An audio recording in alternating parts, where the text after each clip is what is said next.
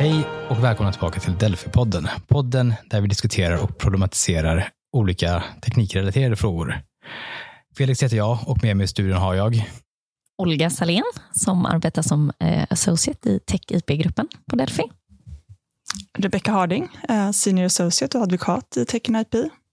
Och Johan Hübner som kommer tillbaka här och är partner i eh, Corporate Commercial men jobbar en hel del med tech och IP också.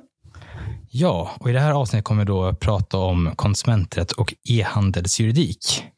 Och i vanlig ordning är då första frågan, vad är konsumenträtt och e-handelsjuridik egentligen? Ja, det eh, för min del så konsumenträtt eller konsumentjuridik är helt enkelt olika typer av regelverk eh, som eh, syftar till att skydda konsumenter. E-handel eh, är ju ofta väldigt mycket eh, konsumentjuridik, men eh, kan ju också då vara när man säljer, alltså helt enkelt när man säljer eh, saker online. Men eh, när det kommer till just e-handel, då kan det även vara business to business. Vilka är då de eh, viktigaste regelverken inom konsumenträtten och inom e-handelsjuridiken? Den nya konsumentköplagen, eh, måste ja. vi väl börja med att säga. Eh, och sen så har man ju, om man tittar på just konsumenträtten, så har vi ju eh, avtalsvillkorslagen och vi har marknadsföringslagen. Eh, men ja, framför allt så är det ju den eh, nya konsumentköplagen som man behöver ha koll på som näringsidkare.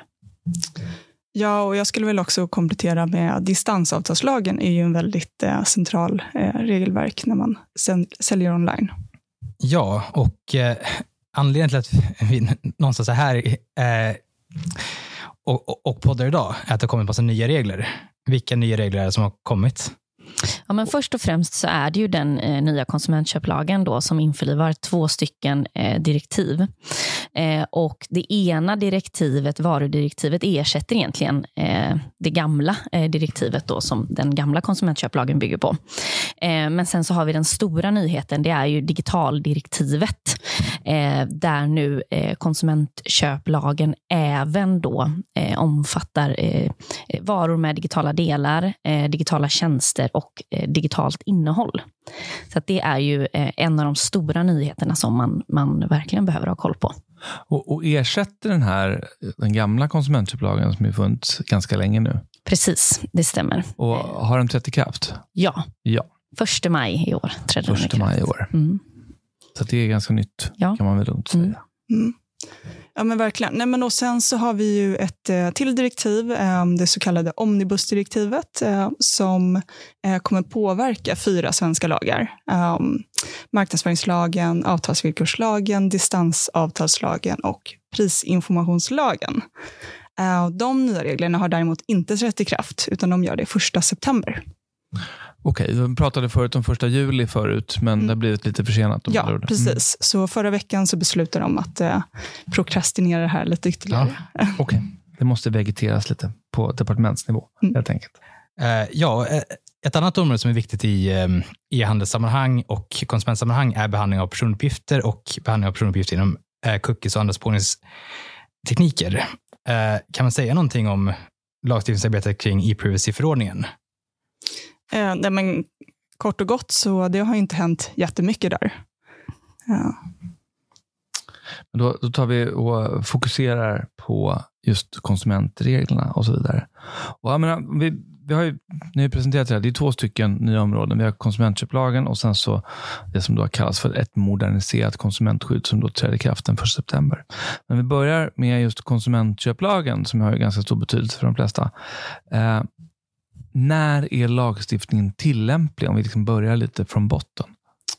Ja, men först och främst så är det ju då eh, alla lösa saker när en näringsidkare säljer till en konsument.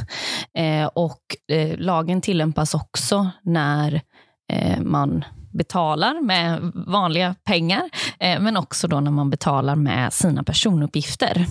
Och det här betala med sina personuppgifter, eh, det innebär då när man liksom tillhandahåller personuppgifterna eller faktiskt åtar sig att tillhandahålla personuppgifterna eh, utan att näringsidkaren behöver de här personuppgifterna för att fullgöra tjänsten eller ha någon rättslig förpliktelse att samla in de här personuppgifterna. Gäller konsumentköplagen även man tänker, det finns ju ganska mycket vad man upp, kanske uppfattar som gratistjänster. Eh, I vilka sammanhang kan man tycka att den här lagstiftningen gäller ändå? Eh, särskilt med hänsyn till de, det som du pratar om, att betala med, egentligen med sina uppgifter.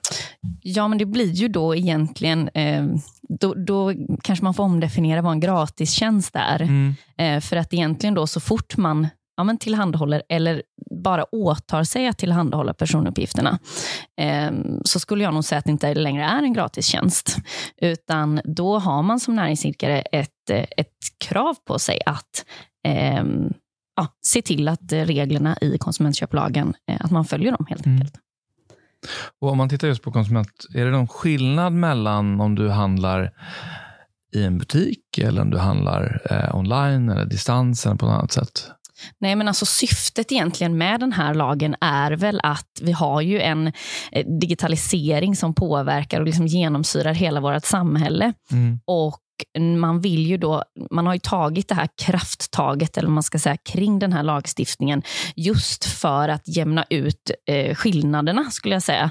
Eh, för att det ska gälla samma sak eh, när du handlar i en fysisk butik som när du handlar eh, online. Och kanske egentligen då stärka skyddet ännu mer när du handlar eh, online. Och Mm. även då genom hela EU, att du ska kunna handla var som helst i Mm. EU och få samma skydd. Ska vi kolla lite vilka de nya eh, nyheterna då, Felix? Vi... Ja, vi kan ju börja där med kring tillämpningsområdet. Mm. Vilka nyheter finns det där? Du, du sa att, eh, vad- att, den gamla, eller att konsumentköplagen är, är tillämplig på lösa saker. Och, och det gällde ju även förut. Men vad är nyheten på tillämpningsområdet egentligen? Ja, men nyheten är just då att det är ju varor. Eh, dels definierar man upp varor, så att vara då är alla lösa saker. Och Sen så undantar man ja, vissa finansiella tjänster och, och så. Eh, men det är ju varor och sen så är det varor med digitala delar. Eh, och en vara då med en digital del, det är alltså en, en fysisk sak där du har något typ av integrerat digitalt innehåll. Eh, och utan det här eh, integrerade digitala innehållet så fungerar inte den här varan på avsett vis. Då. Har vi några bra exempel? Eh, ja, men jag brukar säga det här, eh, ett kylskåp som talar om för dig när mjölken är slut. Mm. Eller eh, du har en eh, diskmaskin som pratar med dig, eller en, en tvättmaskin. Eller, och egentligen så är ju din, din telefon, Mm. Skulle jag säga, en smarttelefon, Mm. är ju i allra högsta grad en vara med eh, digitala delar. Eller en läsplatta från Storytel exempelvis. Mm, precis. Finns det några special, eh, specialregler för sådana eh, produkter? Ja, det gör det. Först kanske vi ska gå in då på den andra delen av det Mm. här, som också är då digitalt innehåll och digitala tjänster. Eh, för där så tittar man då bara på själva datan eller liksom själva eh, ett abonnemang exempelvis, där du inte har en fysisk produkt. Eh, sådana tjänster och där kan man kanske inte kalla det för varor, men innehåll då omfattas också av konsumentköplagen. Ehm, och dels då så finns det ehm, regler som är tillämpbara för varor med digitala delar. Men sen så finns det också då specialregler som bara tillämpas på det digitala innehållet eh, eller den digitala tjänsten. Mm. Om vi börjar lite med vad en sån eh, alltså digitala tjänster, vi kan exemplifiera det lite. Vi jurister tenderar, tenderar att vara bra med lite abstrakta, så man kanske kan sätta det lite i, i sammanhang. Ja, men om man tittar på digitalt innehåll, eh, då har vi då datorprogram. Eh, en applikation är ett digitalt innehåll. Eh, vi har också videofiler, musikfiler. Mm. E-böcker, som du nämnde tidigare, Mm. på läsplatta, är också ett digitalt innehåll. Medan då en digital tjänst, nu får vi, ni ursäkta om juristen här blir lite stolpig, men det är då en- en tjänst som gör det möjligt för konsumenten att skapa, bearbeta, lagra eller då få tillgång till uppgifter i digital form. och skillnaden mellan de här två ska ju bli väldigt intressant att se vad det är. För Mm. att eh, ja, jag tror, i, när jag, när jag liksom har grottat mig i propositionen så nämner man att i fortsättningen så kallar vi alltihopa för digitalt innehåll. Okej, även om det egentligen inte är innehåll utan egentligen någon form av tjänst? Ja. Okej. Ja, Så- det kommer ju Mm. troligtvis vara lite gränsdragningsproblematik där. Så Mm. att, eh, Men som en exempel, eh, en digital prenumeration på en, eh, exempelvis att du betalar för att få tillgång till en podcast eller betala för att få tillgång till en, en, en, en, eh, någon typ av nyhetspublikation skulle definitivt då klassificeras in under det här. Absolut. Eh, Men även om man använder en, eh, en applikation som bara finns online, och det finns ju väldigt mycket sånt Mm. av olika typer, borde det rimligen vara en sån digital Absolut. tjänst också, eller innehåll. Liksom. Mm. mm. Sen så tror jag inte att egentligen, det, visst är det som Rebecka säger att det kommer bli en, en del gränsdragningsproblematik mellan de här två. Samtidigt så är det samma regler som gäller eh, Ah. för de här eh, digitala innehållen och digitala tjänsterna. Mm. Ehm, så att i praktiken ehm, kanske inte det liksom blir så Ja, det blir inga praktiska problem. Eh, däremot så behöver man ju ha koll på, på regelverket eh, om man erbjuder digitala innehåll eller dig- digitala tjänster. Ja, det är en snabb reflektion är att det är en otrolig mängd med tjänster och alltså tillhandahållare av olika varor och tjänster digitalt som sveps in nu helt uppenbart under konsumentköpsreglerna, eller hur? Mm, Absolut. verkligen. Och det är väldigt eh, välkomnat. Eh, det har inte funnits så här uttryckliga regler om Nej. Digitalt innehåll och digitala tjänster. Så att, eh, det här är ju superbra att vi äntligen får lite explicita regler om det. Så att det blir lite mer Mm. förutsägbarhet för konsumenterna. Mm. Vad de har för rättigheter, men också företagen vad de Mm. har för skyldigheter. För många vill ju göra rätt för sig. Mm. Och om man tänker, många av de här tillhandahålls ju i massa olika länder samtidigt, oftast från kanske ett land utanför EU. Hur den extraterritoriella frågan om det, har, har, berör, man, berör lagstiftaren det? Inte vad jag har kommit över. Ehm, utan det här är ju ett, ett regelverk som eh, ja, men införlivas inom EU. Mm. Ehm, ja, nej, jag... Precis. Nej, men så, eh, det, det här är inte ett fullharmoniserat Nej. direktiv. Så att det kommer vara lite olika regler Mm. eh, runt om i EU. Um, så det kommer ju... eh, det hade ju varit väldigt bra eh, när man pratar om förutsägbarhet, Mm. att eh, det hade varit samma regler i alla EU-länder. Mm. Um, men det kommer det inte bli. Utan då får ju helt enkelt, det kommer ju bli som, som det, det var innan. Mm. Man får fundera på eh, var gjorde konsumenten köpet och var har den Mm. sin hemvist och sånt där. Och vad det gäller digitala varor med digitala delar och digitalt innehåll och så vidare, finns det några specialregler som gäller för de här två som i lagstiftningen? Ja, det gör det. Eh, och jag skulle vilja sammanfatta specialreglerna med informera mera, egentligen Okej. skulle man kunna säga. Eh, och det är ju då för att det ställs ett väldigt högt krav på näringsidkare att informera sina konsumenter. Mm. Eh, och Det här rör sig om att eh, informera om nya uppdateringar, informera kring eh, vad som händer om konsumenten inte väljer att uppdatera med en, en viss eh, uppdatering då som Mm. man tillhandahåller. Eh, det kan också röra eh, hur man får ändra eh, den här eh, digitala tjänsten.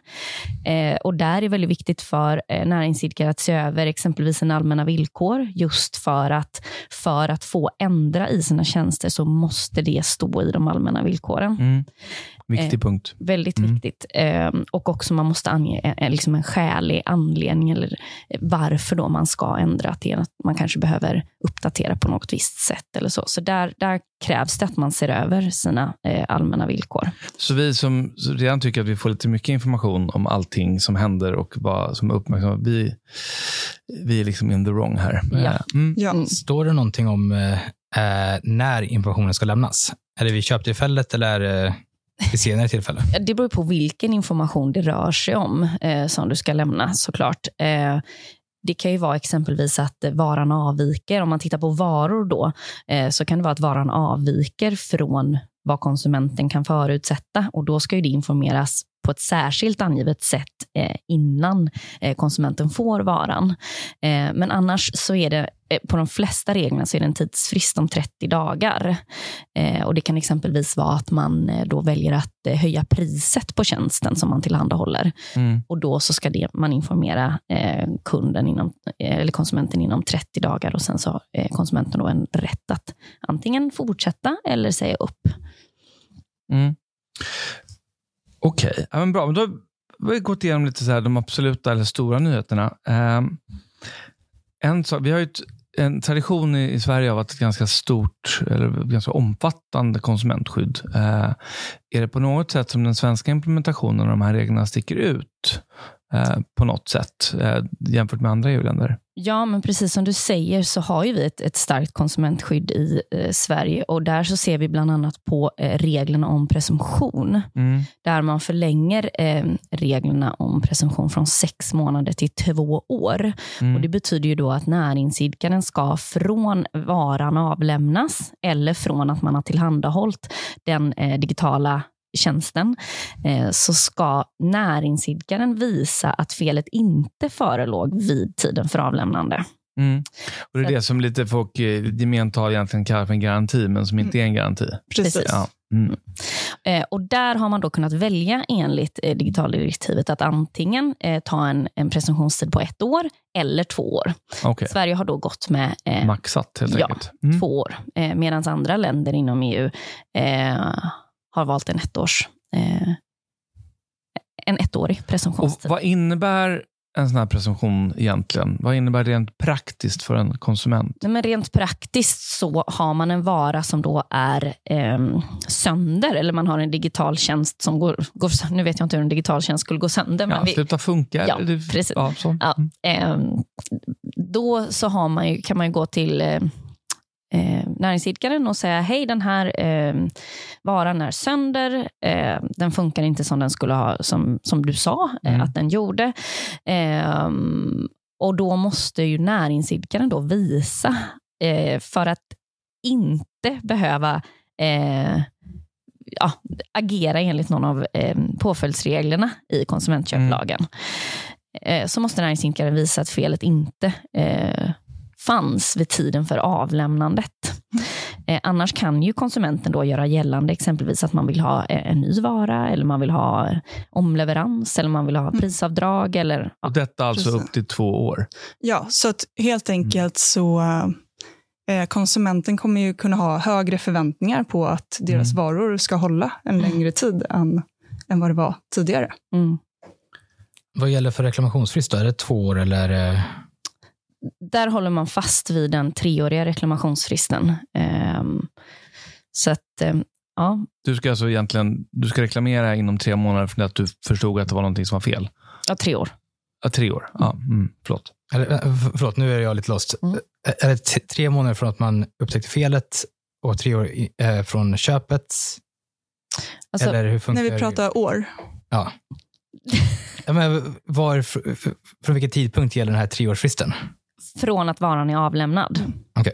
Eh, och Där har man ju också en specialregel som man verkligen behöver tänka på som näringsidkare. Och det är ju att har du en vara med digitala delar, mm. då anses varan avlämnad när eh, man har tillhandahållit den digitala delen. Vilket kan ju betyda, om vi återgår till det här kylskåpet då, som mm. säger till när mjölken är slut, så eh, levererar man kylskåpet, men det dröjer av någon anledning eh, tills den digitala tjänsten för det här kylskåpet börjar fungera. Eh, då anses alltså varan, kylskåpet anses inte avlämnat förrän det digitala innehållet är installerat. Ja, precis. Och där i sammanhanget så kan man ju också eh, lägga till en viktig eh, regel. Um, så varor med digitala delar, alltså det här, till exempel det här smarta kylskåpet. Mm. Uh, det finns en möjlighet i den här nya konsumentköplagen att eh, säga att den här digitala delen, den ingår inte i kylskåpet. Mm. Eh, då blir det helt enkelt att gör den inte det, um, då blir eh, reglerna för när en vara är avlämnad blir helt annorlunda och felreglerna blir helt annorlunda. Mm. Eh, Så helt plötsligt så har man separerat själva kylskåpet, den fysiska varan, från den digitala delen. Det vill säga att du skulle ha det som en tilläggstjänst Mm. som du kan köpa till om du vill och du kan göra det senare. Och Ja. liknande. Ja. En, en fråga som jag funderar på. Det, det förekommer ju, även om det inte är jättevanligt, att eh, någon som tillhandahåller en fysisk sak eh, gör det med att den är kopplad mot någon annans Mm. digitala tjänst. Eh, den är anpassad. Det här är någon mojäng som är anpassad för Google Drive Mhm. eller för Dropbox. eller för så. Hur, hur ser man då på den här kombinationen av Spelar ingen roll. det spelar ingen roll. Så att om jag, om jag är tillhandahåller en sån pryl så kommer jag bli ansvarig även för den digitala tjänst som jag integrerar. Mm. Och Det var lite som jag och Rebecka pratade om här vid något annat tillfälle. Ehm, och, och som du poängterade, Rebecka, att det ställer ju eh, krav på, liksom, på leverantörskedjan. Det ställer Ja. ju krav på att näringsidkare sinsemellan Mm. eh, reglerar eh, ansvar eh, och andra eh, viktiga juridiska frågor Mm. sinsemellan för att inte hamna i den situationen. Ehm, och där tycker jag också att det, ja, det stärker ju konsumentskyddet att eh, har du en vara med digitala delar ehm, så är det hela varan. Och Det Mm. behöver inte vara, jag menar kylskåpet håller ju mjölken kall även fast eh, det här digitala innehållet av någon anledning Inte funkar. inte levereras eller inte funkar. Mm. Men så som definitionen i lagstiftningen är så är det eh, används på avsett vis. Vilket Mm. är ju att det är ju kylskåp som ska kunna hålla mjölken kall och Mm. tala om för mig slut. när den är slut. Mm.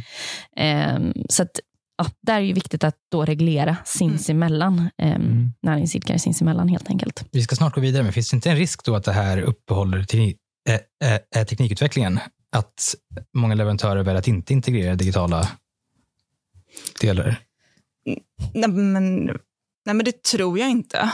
Um, jag, jag tror att... Eh, nej, men jag, jag tror inte att det kommer göra det, utan jag tror bara att eh, det blir bara tydligare vilket, eh, eh, vilka rättigheter och skyldigheter eh, parterna har i ett, eh, Mm. eh, vid ett konsumentköp. Um, men det gör det ju också enklare för företag, alltså typ återförsäljare av kanske en vara med digitala Mm. delar, att Mm. veta hur de ska utforma sina leverantörsavtal också. Mm. Så att det är ju positivt i det le- ledet också. Mm. Om de nu styrde över dem, vilket de ju aldrig gör eftersom de får dem serverade. Den som levererar. Avslutningsvis på just den här delen. Det blir mera skyldigheter. Man förflyttar balansen ganska mycket ännu mer till konsumentens fördel. Har ni reflekterat någonting vad ni tror liksom att kommer här påverka prisbilden på, på konsumentprodukter? Det är en jätteintressant fråga och en av syftet med exempelvis då att man förlänger eh, presumtionstiden, det är också att man vill ehm, öka, kra, eller öka eh, kvaliteten hos produkter. Man vill att produkter ska hålla längre. Mm. Eh, och om produkter håller längre och alltså har en högre kvalitet, då kommer ju priset gå upp. Ja. Ehm, så att, ehm, ja, finns en till aspekt på det här. Absolut. Hemelektronikkedjorna som idag tjänar ganska mycket pengar på försäkringar som Mm. ju ska täcka de här bitarna. De här försäkringarna kommer ju bli... eh, De behöver omformas kan man väl säga för, Ja. att, för att funka. Eh, Så marginalerna kommer gå ner där också. Det, Mm. ja, men det, är en, det är en reflektion som kanske lämpar sig mer för en enskild podd eh, av, av makroekonomiskt slag. Eh, Man, man skulle ju också kunna tillägga att eh, ju, ju mer regler näringsidkaren har att, att följa, desto dyrare blir det. ja, så Mm. behöver de ju anlita oss. Ja, exakt. och, Precis. eh, Och ta högre risk. så är det. Mm. Mm. Vi har ju också det andra paketet, omnibusdirektivet. Mm. Eh, moderniserat konsumentskydd som inte har trätt i kraft än. Mm. Vad innehåller det? Um, nej men omnibusdirektivet som jag nämnde inledningsvis, så det ehm, kommer ju påverka fyra svenska lagar. Då. Mm. Uh, och eh, där, ehm, man kan ju sammanfatta de reglerna också med ökade krav på information Mm. eh, och också högre sanktioner vid överträdelse utav de här reglerna. Mm. Eh, så, och det är ju någonting vi har kunnat se här de senaste åren, att eh, eh, lagstiftarna de gillar att koppla på höga sanktioner. Det ska kännas när man Mm. inte följer reglerna. Eh, och det, det kan man verkligen se här också. Som Mm. enligt GDPR då, Mm, precis. Och konkurrenslagen. Och konkurrenslagen. Och alla andra nya lagstiftningar från EU-håll Mm. med samma typ av, eller liknande typer av sanktioner i alla fall. Ja. Vilka svenska lagar är det som ändras? Så fyra stycken, marknadsföringslagen, prisinformationslagen, avtalsvillkorslagen och eh, distansavtalslagen. Yes. Vad är, och vad är det för nyheter då? Berätta. berätta. Så det är jättemånga spännande nyheter. Eh, Det är eh, informationskrav vid eh, eh, tillhandahållande av information om prissänkningar. Så att informationskrav, vi tillhandahåller om information. Jättebra. Mm. Alltså helt enkelt när man håller på och skriver, vi har Mm. Black Friday-erbjudande. Mm. Ja. Um, och eh, det vid publicering av konsumentrecensioner. Eh, vi har... eh, ehm, ja, men, och sanktionerna det är helt enkelt att vid överträdelse av de här fyra lagarna eh, då riskerar man en eh, sanktionsavgift uppgående till eh, ett tak på 4% av årsomsättningen för bolaget. Mm. Hur fungerar de här nya pris, prisinformationskraven? Så um, prisinformationskraven det är helt enkelt att när man tillhandahåller en produkt, vara eller tjänst, um, med information om att man har gjort en prissänkning av den, eh, då måste man eh, tillhandahålla information om vad den eh, lägsta priset för den de senaste 30 dagarna innan den här prissänkningen. Så och det syftar ju lite till att undvika det här att man inför Black Friday eh, liksom bara höjer priset massvis eh, precis innan för att sen kunna säga att man har liksom 25% rea. Du kallar mig cynisk här, men kommer det inte innebära snarare att man höjer 32 dagar innan? Jo, Och, och sen så, för att kunna visa det. det, är, men det lite cyniskt, men det, här, det är jätte, jättebra regler utifrån att reor ska vara riktiga. Det är ju det som är ja, syftet. precis. Men det är ju också en, ett, en kapplöpning som, som har skett mellan lagstiftare och näringsidkare Absolut. under 40 år. Ja. Eh, någonting sånt där. Ja, men, och det, det Mm. går ju oftast att runda olika lagregler på Mm. sätt och vis om man verkligen vill. Mm. Eh, men, sen så, men då kan man ju också komma ihåg att i marknadsföringslagen så har vi en regel om hur man får eh, marknadsföra realisationer. Ah, just det. Mm. Eh, så um, den i kombination med den här nya prissänkningsregeln eh, sänkningsregeln kanske kommer i vart fall i, i viss utsträckning um, förhindra eh, det, här. Det har kommit lite nyheter om rankning av sökresultat också, eller hur? Ja, Mm. precis. Eh, helt enkelt eh, mer transparenskrav om att man måste informera om varför ser jag visst eh, sökresultat? Eller va, hur, hur kommer det sig att de är rankade på det här sättet? Mm. Eh, vad är parametrarna för det? Har någon betalat för att vara högt rankad eller liknande? Är det då på eh, en webbplats, alltså säg att man har en, en e-handelsplattform. Mm. Är det då i vilken ordning olika resultat Mm. på sökningar kommer upp då? Ja, precis. Så man kan tänka sig eh, om man ska... mm, Det finns ju så sajter där man ska, kan boka olika typer av hotell eller Mhm. by- boka flyg eller så. Eh, de kommer ju troligtvis att träffas av de här reglerna. Um, så då, då måste de liksom tillhandahålla någon lättillgänglig information om eh, vad, vad har vi för parametrar som eh, bestämmer här, den här rankingen. Mm. Gäller även för um, sajter av, av Blocket-karaktär. ehm, där ju, nu är det inte Blocket som säljer någonting, men Blocket marknadsför ju för någon annan. Mm, Eh, och Det går att hamna högre upp i sökresultatet om man betalar mer för annonsen. mm. Eh, kommer de också träffas av de här reglerna i sådana fall? Så att de tvingas att redogöra för att här är Pelle, han betalade 100 kronor och här är, här är, här är Lisa, hon betalade bara 40. Mm. Och därför hamnar de olika. Är det är det, det som också? Mm. Och även sådana här marknadsplatser, typ Amazon, Mm. som är också med flera näringsidkare. Precis, Mm. precis. Så om man kan söka liksom, baserat på olika sökkriterier.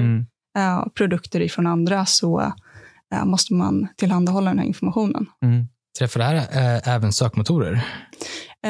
Så nej. Det träffar inte sökmotorer, men det är för att det redan finns en annan lag som träffar dem. Okej. Perfekt. Och du sa även att det finns nya regler om konsumentrecensioner. Mm. Ja, Ehm, företag älskar ju att publicera sök, eh, eh, konsumentrecensioner som eh, visar hur bra det här företaget är. Eh, där så kommer det också ett krav på transparens. att De måste helt enkelt informera om, eh, om alltså oavsett om de gör det eller inte, eh, om de kontrollerar om det är en riktig konsument som liksom Mm. har köpt en vara ifrån dem. Eh, och eh, har de gjort det, då måste de även informera om hur de kontrollerar det och liksom behandlar recensionerna. Um, så ja, så att, helt enkelt, den här regeln träffar alla som publicerar konsumentrecensioner. Vilka problem man försöker eh, lösa genom de här reglerna om, om konsumentrecensioner? Så, en är ju helt enkelt att få en felaktigt vinklad eh, bild om eh, att ett företag kanske bara är jättebra. Alltså bara publicera eh, positiva recensioner eller köpa recensioner. Mm. Köpa likes på Mm. Instagram. Eh, jag skulle ju säga att det, det går ju inte nu med de här nya reglerna om man inte också köper negativa likes. Okej. Ja, intressant. Ja. Men- och, och alla Men då som använder det inte är Instagram värt att vet ju köpa att det. några negativa likes finns liksom inte. där. Och på sociala medier går det inte att köpa Nej, negativa likes. Men det, det innebär ju att helt enkelt vi förpassar eh, att köpa icke, icke vad heter det, Mm. organiska följare och Mm. icke-organiska likes. Det förpassar man liksom in i, i grå eller svartzonen helt Ja. enkelt. Mm. Ja, men precis. Nej, men så att, eh, och bakgrunden till det, det är ju bara att man har eh, sett att eh, konsumenter påverkas väldigt Mm. mycket av konsumentrecensionerna. Otroligt intressant genomgång av de här nya reglerna och det ska bli intressant också att se hur rättstillämpningen blir. Även om jag kanske hinner gå i pension innan vi vet mera. Det, är- det sånt, sånt vet man inte. Så gammal är du inte. Tack, tack. Eh, Men avslutningsvis, vad ska företag tänka på? Vad har ni för liksom actions som måste tas nu? Eh, både vad det gäller den redan ikraftträdda nya konsumentköplagen och dessutom inför Mm. eh, de här fy- ändringarna i de här fyra lagarna. Mm. Vi börjar med Olga. Då. Eh, konsumentköpsfrågan, vad ska man göra? Ja, men först och främst så måste man identifiera om man ehm, kanske faktiskt träffas av den nya konsumentköplagen. Eh, om man nu inte tidigare har gjort det. Mm. Eh, och sen ringa mig och Rebecka. Nej, Ja. eh, skämt åsido. Eh, nej, men först måste man identifiera eh, det. Eh, och sen så behöver man ju någon som eh, ja, men går igenom allmänna villkor, villkor, ser till att man uppfyller de här informationskraven eh, och att man helt enkelt följer de olika fristerna. Eh, och framför allt när det gäller digitala tjänster och digitalt innehåll, eh, ja, men att man informerar mera, att man Mm. har det här eh, paketet redo för eh, sina konsumenter och att man ja, men trycker ut det på sin hemsida eh, och helt enkelt är väldigt ja, men tydlig mot sina eh, konsumenter. Eh, det tror jag man kommer vinna jättemycket på Mm. som näringsidkare idag. Och vad ska folk ägna sig åt under sommaren då? Inför Mm. att de här eh, distansavtalslagen och prisinformationslagen och avtalsvillkorslagen, var det den också? Mm. Nej, och så var det en till. Marknadsföringslag. Marknadsföringslagen, den viktigaste. Att de ändras. Ja. Ehm, nej, men jag skulle väl säga att eh, eh, alltså, i grund och botten så handlar det ju bara om att här, se över vad ni har för rutiner. Ehm, vem går ni till när ni har tagit fram en marknadsföringskampanj eh, Mm. för att se till att reglerna följs? Givet att flera av de här reglerna tar sikte på information som måste tillhandahållas eller eh, det behöver visas hur saker och ting tagits fram, krävs det inte också en hel del systemutveckling? Mm. Så att du får systemstöd Absolut. för, den här, alltså för regelverket. Ja, absolut. Så man kommer ju vara tvungen att liksom jobba med sina it-leverantörer till Mm. exempel för att ens kunna tillhandahålla all den här informationen. Um, så det är ju jätteviktigt. Och sen så lite som Olga var inne på också tidigare, att man, man måste ju se... Det är väldigt lätt att bara stanna och tänka på att eh, det här handlar ju bara om min relation eh, till en konsument. Eh, men det är viktigt att man ser på hela kedjan. Eh, att också så titta bara, men eh, de som jag köper in produkter utav, Mm. eh, vilket ansvar respektive rättigheter har vi i förhållande till varandra? Så att hela avtalskedjan och informationskedjan eh, är liksom vattentät. Mm. Uh, så det, det är väl också liksom ett medskick att så här, uh, fundera på vad, hur träffas ni av de här nya reglerna? Uh, innebär det ökade krav på något sätt? Hur uppfyller ni de kraven? Är det mer information på hemsidan? Hur kan ni tillhandahålla den? Behöver ni snacka med er it-leverantör? Um, om det är andra liksom, konsumentköplagen som ni träffas av um, på ett nytt sätt än tidigare, då kanske ni måste också prata med er eh, leverantör av produkterna och eh, se över leverantörsavtalen. Mm. Det var en ganska bra sammanfattning Felix, eller hur? Jo, men det tycker jag också. Ja. Och ehm, har du några... Nej, jag, jag, jag tror att mitt, min nyfikenhet är just nu tillfredsställd. Det kommer säkert komma mera. Men då får vi helt enkelt köra ett avsnitt två. Ja, men med de orden så avslutar vi och tackar för oss. På återseende. Tack så jättemycket. Tack. Bra jobbat.